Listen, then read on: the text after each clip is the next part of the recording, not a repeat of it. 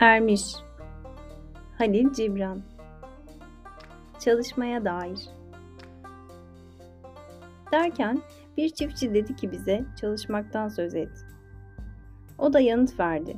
Dedi ki, yeryüzüne ve yeryüzünün ruhuna ayak uydurabilmek için çalışırsınız. Çünkü aylaklık, mevsimlere yabancı düşmek, heybetle ve mağrur bir teslimiyetle sonsuza yürüyen yaşam kafilesinin dışında kalmaktır. Çalışırken ney olursunuz? Saatlerin fısıltısı müziğe dönüşür neyin yüreğinde. Tüm varlıklar uyum içinde bir ağızdan şarkı söylerken dilsiz ve sessiz bir kamış olmayı isteyen çıkar mı aranızda? Size hep işin bir lanet ve çalışmanın talihsizlik olduğu söylendi. Fakat ben size diyorum ki çalışırken yeryüzünün en ırak yerini düşünün. Daha o düş doğarken sizin payınıza düşmüş parçasını gerçekleştiriyorsunuz. Ve çalışmayı sürdürmekle aslında hayatı sevmiş oluyorsunuz. Hayatı çalışmak yoluyla sevmek, hayatın en derin sırrına ermek demektir.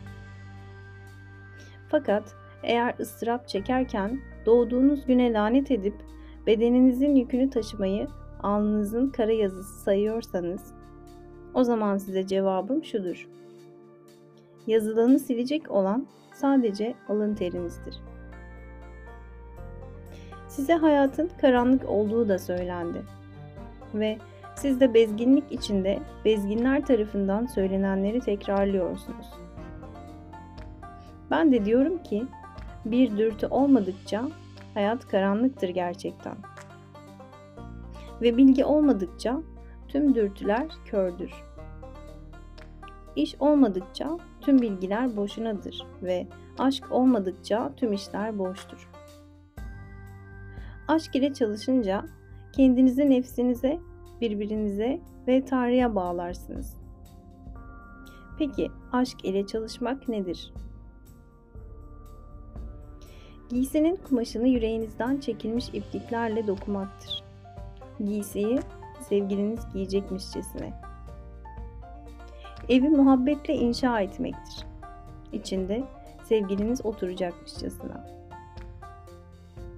Tohumları sevecenlikle ekmek ve hasadı sevinçle kaldırmaktır.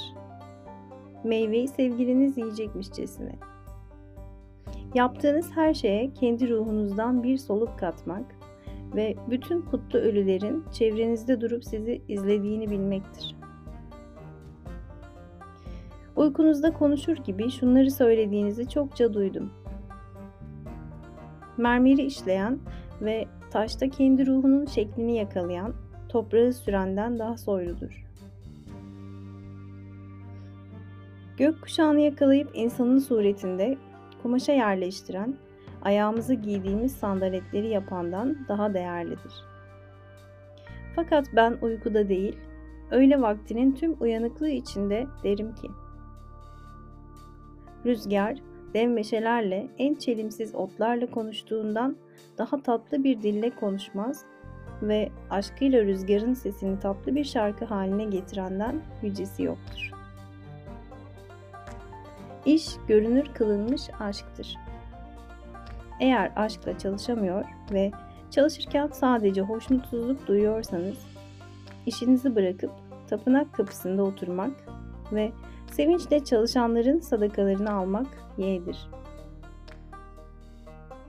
Çünkü gönülsüz pişirilen ekmek acı olur ve ancak yarısını giderir insanın açlığının.